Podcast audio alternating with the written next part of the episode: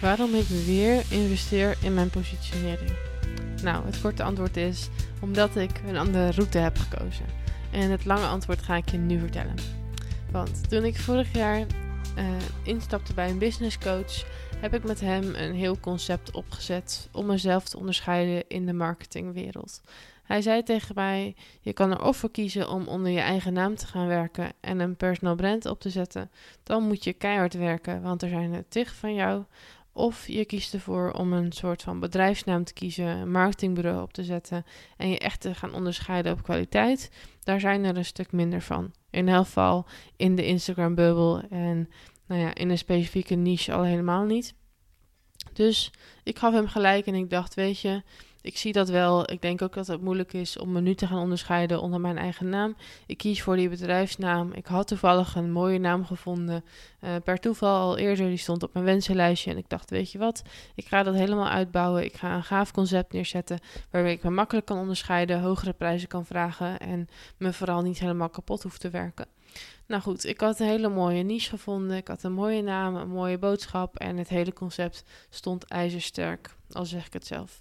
Nou, op dat moment toen ik klaar was met die business coach, was eigenlijk het moment daar om het echt te gaan verkopen. En ik ging op pad om, nou ja, dat concept te verkopen. En er waren best wel veel mensen die het interessant vonden, geen enkel punt. En ook toen heb ik in mijn positionering geïnvesteerd, want ik wist, ik ga nu een soort bedrijfsnaam opzetten die losstaat van mij. Hoe ga ik dat verkopen aan de ideale klant? En nou ja, wat voor kernwaarden passen daarbij? Wat voor content past daarbij? En hoe kan ik dat mooi vormgeven? Dus ik heb toen geïnvesteerd in een positioneringstraject en samen met diegene bedacht hoe ik dit in de markt ging zetten, hoe ik echt die beleving neer kon zetten. En toen ik dat wist, ben ik lekker aan de slag gegaan. En ja, ik was echt wel een soort van controversieel in mijn content. En ik sprak mensen ook echt aan op hun mening. En nou ja, ik durfde echt wel eventjes wat anders neer te zetten dan de gemiddelde uh, marketing-expert. Dus ik voelde me ook wel echt anders in de markt en dat voelde heel erg goed. Maar het feit was wel dat um, ik het concept eigenlijk niet verkocht kreeg bij mijn ideale klant. Juist ook omdat we toen heel erg te maken hadden met de lockdown, corona en nou ja, zogenaamd opkomende crisis en al dat soort voorspellingen. En mijn ideale klant had een fysieke winkel in een bepaalde branche. En die waren best wel bang om zoveel geld te investeren. Want het ging wel om een paar duizend euro voor nou ja, het complete plaatje waar ik volledig achter stond. En nou ja, dat was ook mijn enigste pakket op dat moment. Enige, sorry. En ja, ik wilde daar niet van afwijken. Maar mijn ideale klant was op dat moment te bang om zoveel geld uit te geven. En ondanks dat ik een garantie afgaf van geen um, niet tevreden geld terug. Ook dat durfde zij eigenlijk niet aan. Dus ik zat een beetje met de gebakken peren. Want ik dacht, ja, weet je, hoe ga ik dit redden? En um, ik zag wel in dat mijn ideale klant op dat moment dat concept niet kon dragen. En zelf had ik eigenlijk geld nodig om mijn omzet een beetje te spekken en uiteindelijk een hypotheek te kunnen krijgen voor mijn eigen huis. Dus ik heb toen eigenlijk dat hele concept losgelaten. Ik ben kaart gaan werken en um, nou ja, tegen eind van het jaar mijn omzet gered en een hypotheek uh, gekregen. Maar dat maakte wel dat ik eigenlijk begin van dit jaar weer helemaal opnieuw begon. Want het concept was nog steeds iets van de grond gekomen. Corona speelde nog steeds. En ja, wat ging ik dan wel doen? Dus ik ben toen eigenlijk weer gewoon verder gegaan onder mijn eigen naam. En al gauw wist ik een aantal opdrachten te vinden die heel erg goed bij mij pasten. En het balletje ging eigenlijk rollen, juist wel onder mijn eigen naam. Waarvan ik dus in het begin dacht: nee, dat is veel te moeilijk. Uh, dat gaat er niet worden en uh, ik doe dat lekker niet. Maar nu zijn we dus weer een half jaar verder en denk ik, ja jeetje, ik ben onwijs gegroeid onder mijn eigen naam. En ik word ingehuurd voor de dingen waar ik ingehuurd voor wil worden. Ik mag werken met mooie grote namen waar ik onwijs trots op ben. En het zijn echt de allerleukste klanten die ik ooit gehad heb. Waarvan ik denk, ja, hier wil ik mee verder. En ik wil nu wel eens weten hoe ik me nu voor deze ideale klant in de markt kan gaan zetten.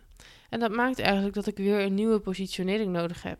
Want ik had een positionering gevormd onder een conceptnaam die nu eigenlijk niet meer bij mij past. Ik heb een andere ideale klant gekregen, een ander aanbod. En het maakt eigenlijk weer dat ik weer dat poppetje in de markt was waarvan er nog tien zijn. Maar In feite is dat niet zo, want hetgene waar ik voor wil staan, daar zijn niet zo heel veel mensen van. Maar ja, hoe ga je dat nou communiceren naar jouw ideale klant, dat die dat ook voelt, dat die ook ziet van jeetje, ja, ik moet bij Milene zijn voor dit, dat en zo verder. Dus ik dacht, weet je, ik moet gewoon weer in mijn positionering investeren. En deze keer ook met de beste uit de markt. Dus ik ben lekker aan de slag gaan met mijn positionering. En ja, het was moeilijk om op de juiste positionering te komen. Om echt te zien wat ik nou anders doe dan de rest. En nou ja, te zien hoe ik daarin mijn eigen eilandje kan pakken. En ik dacht, weet je, het gaat er niet meer worden voor mijn vakantie. En toch zijn we nu net voor mijn vakantie op een geweldige positionering gekomen. Die echt onwijs goed bij me past. Maar die ik nog eventjes geheim moet houden, helaas. Maar ik wil je wel even meenemen in mijn verhaal van, nou ja, waarom neem ik nu weer een andere positionering aan? Want, um, nou ja, ik werk op dit moment met Manon Thoma en, nou ja, naar mijn mening echt de beste positioneringsstratege in de markt. En zij deelde wat over mijn verhaal en mijn route hier naartoe. En ik kreeg eigenlijk meteen al vragen van... Goh, Milene, waarom kies je hiervoor? En waarom niet bijvoorbeeld voor een business coach... of nou ja, een andere strategische hulp of wat, wat dan ook. En nou ja, ik vond het ook wel leuk om het antwoord even waar in die open met jou te delen.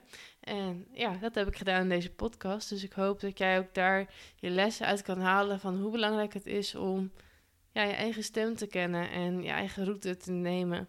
En echt op je eigen eilandje te gaan staan en ja, mensen te laten zien waarvoor jij er bent, zodat het veel makkelijker wordt om klanten aan te trekken.